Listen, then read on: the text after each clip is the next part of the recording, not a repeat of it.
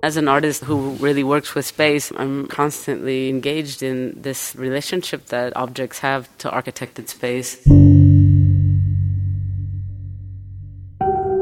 Fons. Obres de la col·lecció MACBA explicades pels artistes.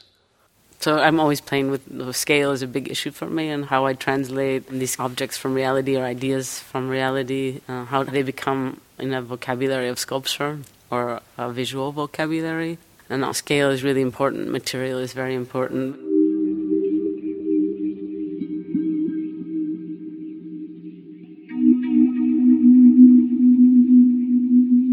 Rita McBride. I'd always been very interested in stadiums and these kind of structures in the urban fabric because they're such strange scale and you know this capacity for holding huge amounts of people and then they're empty and there's something extraordinary about them and I always kept it in my mind but I never could find a way to make an artwork about it until that moment when I realized oh I think this is the right time to try and tackle this idea of an arena or of, of, of um, a structure which can hold and formalize all this activity. Arena was made in took us two years. We started, I think, in 1995 in the Witte Wit in Rotterdam. It was produced by the Witte Wit, and it was a very long process because it was quite uh, a large project to fulfill for an institution, and because I wanted to use also Kevlar, which is this high tech material.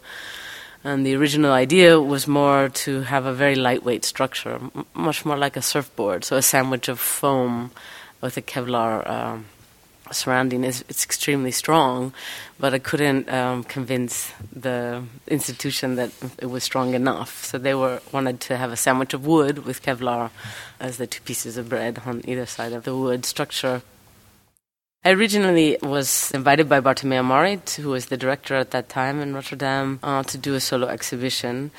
I remember visiting the space. Uh, I, I, was very familiar with the Wit and had shown there before, and had, I really loved the place. So I was there often for a lot of exhibitions. And um, but this time, when I walked in uh, to consider what I would do for uh, the upcoming exhibition of mine, um, there was so much political explosion going on within um, kind of politics of, of Rotterdam and the cultural politics of Holland in general. The building was sort of buzzing with activity and, you know, was not a really quiet place, let's put it that way. And I thought, how can I compete with this? Like, anything I put in here is, is nothing compared to these kind of very structural um, excitement of budget cuts, of people, you know, being fired, and, people, and it was just incredibly. And so I thought, I thought about arena.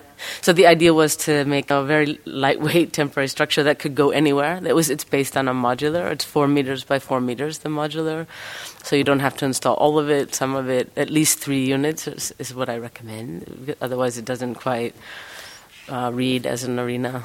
I think it's important that you can see other people on the arena. So, I mean, if you're all looking just one direction, this is, isn't the magic of arena. Is that actually you become very aware of the other people that that are sitting on the arena. And it's been traveling often, and we always programmed arena. Always from the beginning, it was part of the idea was that you have um, it can exist as an object in space, but it's much more about a structure for other people, and mostly other artists, to um, work within or around or uh, in front of or and, and it was interesting in a lot of ways. I, I mean arena is very close to me because I, I use it kind of as a studio for myself. I learned many many, many things over the years as it traveled to different places and you know, the difference of showing movies or a performance is huge. I mean, for some reason, I mean, in ways that I didn't expect. That, um, for instance, if you show a movie, the audience can't see each other, so you lose this kind of intimacy, which I was talking about before, and it just becomes fancy seating. It's nothing. It has not, not, nothing of this intimate um, relationship that the audience would have with each other. That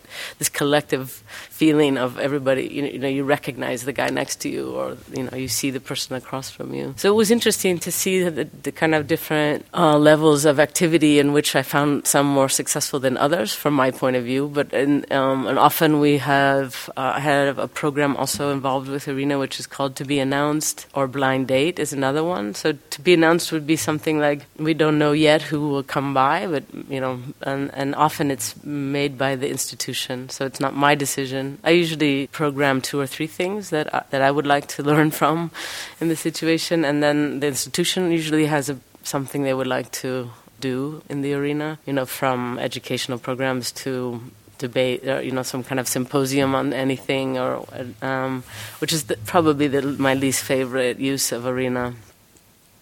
And and then there's Blind Date, which is also um, the institution is programming arena, and I don't know what it's going to be. So, um, so it always had that this aspects to it that it's, it's, a programmable thing or a programmable space, a programmable structure, and that it can travel and be temporary. I'm pretty excited about the publication we're going to make for this show next year, which is called Thick Powder. But basically, I'll say this I really don't like the way sculpture photographs. It's not an image. Sculpture is a, something that exists in space. And most of the photographs of sculptures are, you know, rather close up and have no relationship. They're objectified. And my relationship to sculpture is much more in a kind of conversation with space and less about the gaze of an object or looking very scientifically at an object or this kind of uh, dissection of looking.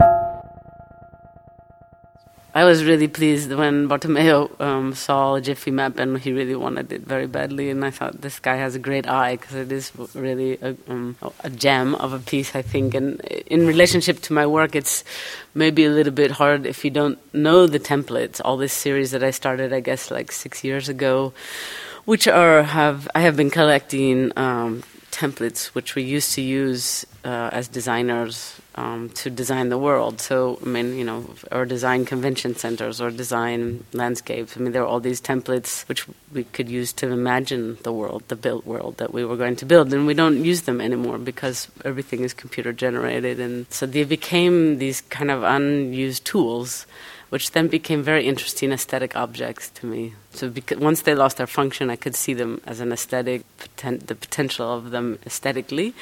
Um, so I've been collecting them um, from all over the world, and actually they're not standardized at all. They're incredibly specific to each culture, which I didn't expect actually. Um, and then then I started to to produce um, a lot of them in different materials at different scales, and um, but Jiffy Map is an inkjet print, so it's pretty much um, a one to one. I mean, I, I scanned the original template, and you know, I think it's maybe two times the size of the original but I love the simplicity of being able to scan the actual object and print it. I mean, this this is like that's all you need actually. This one mediation between the object and this, the visualization of the idea. So there's an efficiency to Jiffy Map that I really appreciate a lot of the other templates are, you know, very heavy steel, um, you know, two and a half meters by three meters, and um, you know that's a whole nother level. Um, but I, I, Jiffy Map is extremely um, precise. Actually, it's a very precise piece, and that's why Bartomeu